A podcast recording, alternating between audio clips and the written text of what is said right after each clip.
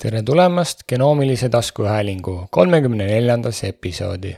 minu nimi on Mikk Tooming ning antud taskuhäälingus süvenen genoomika ja geneetika põnevasse maailma. taskuhäälingus tuleb juttu viimastest läbimurretest DNA uuringute alal kui ka geenitehnoloogiat ümbritsevatest eetilistest küsimustest ning teadusuudistest. head kuulamist! St Jude laste teadushaigla ja Broadi instituudi teadlased uurisid geenitöötlusstrateegiaid, et leida kõige ohutum ja tõhusam lähenemisviis sirprakkulise haiguse ehk SCD ja beeta-talasseemia raviks. Nad võrdlesid viit geenitöötlustehnikat, milles kasutati kas üheksa nukleaasi või adeniini baasi redigeerijaid tüvirakkude laboratoorsetes uuringutes adeniini baasi redigeerimine, eriti gammaglobuliini miinus sada seitsekümmend viis AG mutatsiooni puhul, oli kõige edukam modifikatsioon. leiti, et võrreldes teiste tehnoloogiatega tekitavad baasredaktorid täpsemaid ja tugevamaid muudatusi. baasi redigeerimine võib olla suunatud ühe nukleotiidi muutustele, samas kui CRISPR-Cas9 toob üksikud baasimuutusi sisse väiksemas ulatuses. see uuring näitas, et baasi redigeerimine võib reaktiveerida gammaglobiini geeni, pakkudes universaalset ravi SED ja beeta-talasseemia puhul. Baasi redigeerimine näitas suuremat järjepidevust ja vähem genotoksilisi sündmusi võrreldes Cas9 redigeerimisega. samuti säilitas see edukalt baasi redigeerimise vereloome tüvirakkudes. Need tulemused viitavad sellele, et baasi redigeerimine võib olla paljulubav lähenemisviis geeniteraapias kuid enne kliinilist kasutamist on vaja täiendavaid katseid ja optimeerimist kasutada.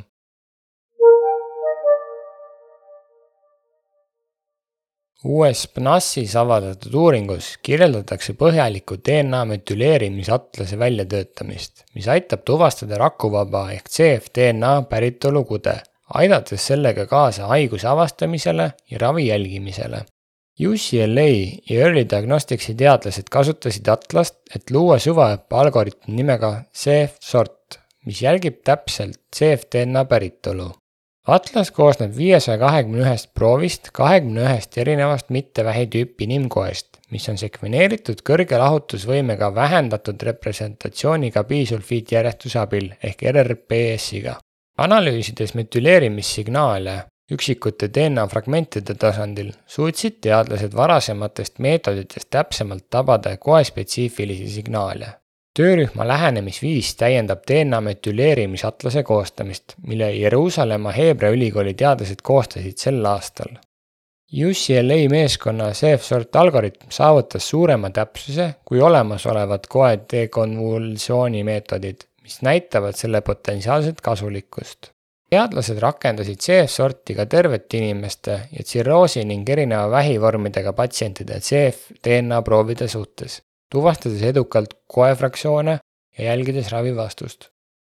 uuring toob esile CF-DNA kasutamise potentsiaali üldise tervisliku seisundi jälgimiseks ja sillutab teed tulevastele uuringutele erinevate haigustüüpide puhul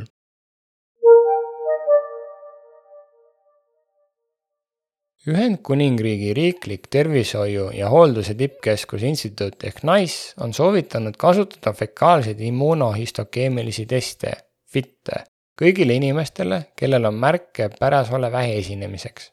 see vähendaks mittevajalikke koloskoopiaid ja ooteaega mitte kiireloomulistes pöördumiste puhul.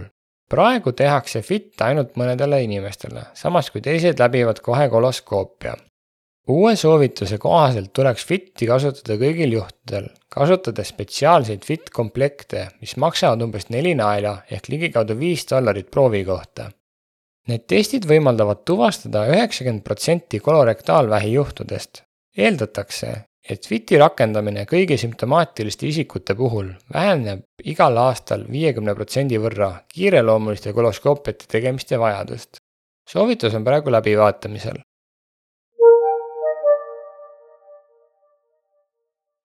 Ameerika Vähiühingu vähktõve tegevusvõrgustik ACS Scan on avaldanud konsensussoovitused farmakogenoomika ehk PGX-i testimise rakendamiseks vähiravis, keskendudes võrdsusele ja vastutustõkete ületamisele.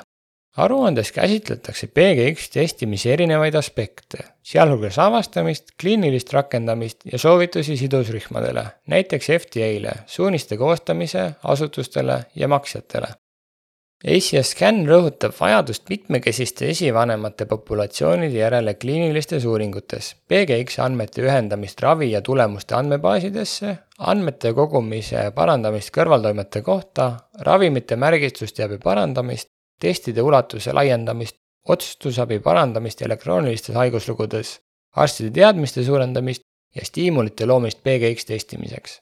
aruandes tuuakse esile ühe patsiendi kaitselugu, kelle ema kannatas kemoteraapia tõttu raske toksilisuse all ning rõhutatakse, kui oluline on ennetav testimine konkreetsete PGX muutuste suhtes. hetkel ei soovita NCCN-i teatud muutuste testimist ja FDA ei ole soovitanud rutiinset PGX-i testimist patsientidele. samas kui TP-krehte testimine on EMA poolt suunitlusega. testimise standardite puudumine ja ebapiisav kindlustuskaitse on tõkkeks mis takistavad nende kasutuselevõttu USA-s. ACS Scan soovitab kaasata kõiki kliiniliselt olulisi variante PGX testidesse ja pöörata tähelepanu alaesindatud esivanemate rühmadele. testimisvariantide standardiseerimine ja kindlustuskaitse on laialt levinud kasutuselevõtu jaoks otsustava tähtsusega USA-s. Euroopa genoomi andmete infrastruktuuri ehk EDI projekt on välja andnud tööriistadega stardikomplekti, mis aitab Euroopa andmekeskustel valmistuda juurdepääsuks kogu genoomi andmetele osana algatusest ühe miljoni genoomi projekt. GDI projekti eesmärk on luua infrastruktuur genoomi andmetele juurdepääsuks ning stardikomplekt toetab andmete juurdepääsu töövooge. see sisaldab tarkvaraarendusi ja komponente, mis võimaldavad riikidele piiriülest juurdepääsu sünteetilistele genoomsetele ja fenotüüpsetele andmetele tööriistad põhinevad Global Alliance of Genomics and Health standarditel ja toetavad selliseid funktsioone nagu andmete leitavus, juurdepääsu haldamine, salvestamine ja liidesed, andmete vastuvõtmine ja andmetöötlus. komplekti komponente arendatakse edasi, et tõhustada andmekaitset ja toetada genoomiuuringute erinevaid valdkondi. Kaalutletakse ka Euroopa terviseandmete ruumi ettepanekut, et luua raamistik turvaliseks juurdepääsuks terviseandmetele, sealhulgas genoomilistele andmetele seitsmeteistkümne riigi üle neljasaja kuuekümne miljoni lipiidtestide tulemusanalüüs näitas, et südame-veresoonkonna haiguste riski varieerumine sõltub asukohast ja soost. John Hopkinsi ülikooli ja Global Diagnostic Network teadlaste poolt läbi viidud uuringus leiti, et erinevused geneetikas, elustiiliharjumustes, lipiidide testimises ja farmakoloogilises ravis aitavad kaasa lipiididega seotud südame-veresoonkonna haiguste riski varieeruvusele analüüs näitas, et viies riigis oli üldkolesterooli tase võrreldes Maailma Terviseorganisatsiooni sihtväärtusega mitte optimaalne. Uuringus selgus ka, et ohtlik kolesterooli tase saavutab haripunkti keskeas, kusjuures meestel on see kümme aastat varem kui naistel. tulemused rõhutavad, kui oluline on arvestada lipiidide taseme geograafilisi erinevusi rahvatervise poliitika kujundamisel ja sobiva ravi valikul lisaks rõhutatakse uuringus ka seda, et kardiometaboolsed häired on pakiline ülemaailmne probleem ja et südame-veresoonkonna haigustega tegelemiseks on vaja rohkem keskenduda rahvatervise ressurssidele.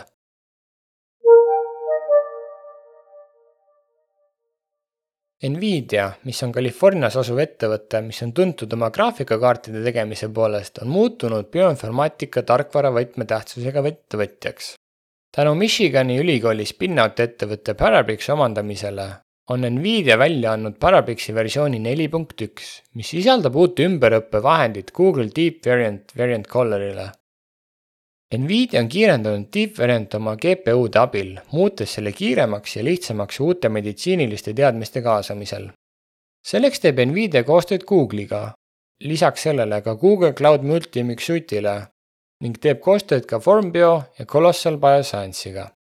lisaks sellele on ettevõte aidanud kaasa ka Ready to Run'ile, mis on Amazon Web Service'i Amazonimicsi teenuse jaoks valmis ehitatud töövoogude kogumik. Nvidia ise keskendub ka genoomi analüüsi pipeline'i kiirendamisele ja uurib GPU-de kasutamist üheraku sekveneerimisandmete ja genereeriva ai jaoks biomolekulaarsete rakenduste jaoks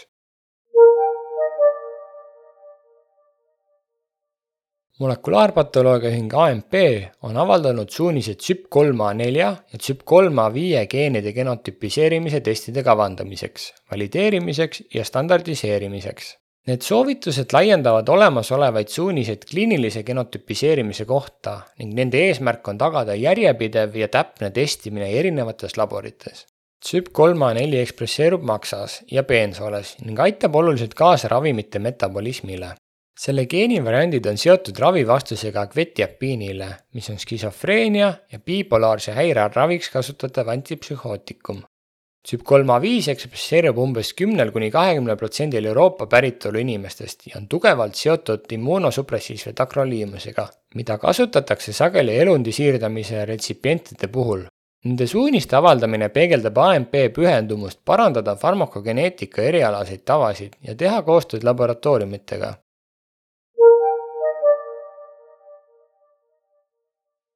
Kui märkasid mõnd huvitavat uudist või sul on küsimusi, saad mulle kirjutada genoomiline at gmail.com.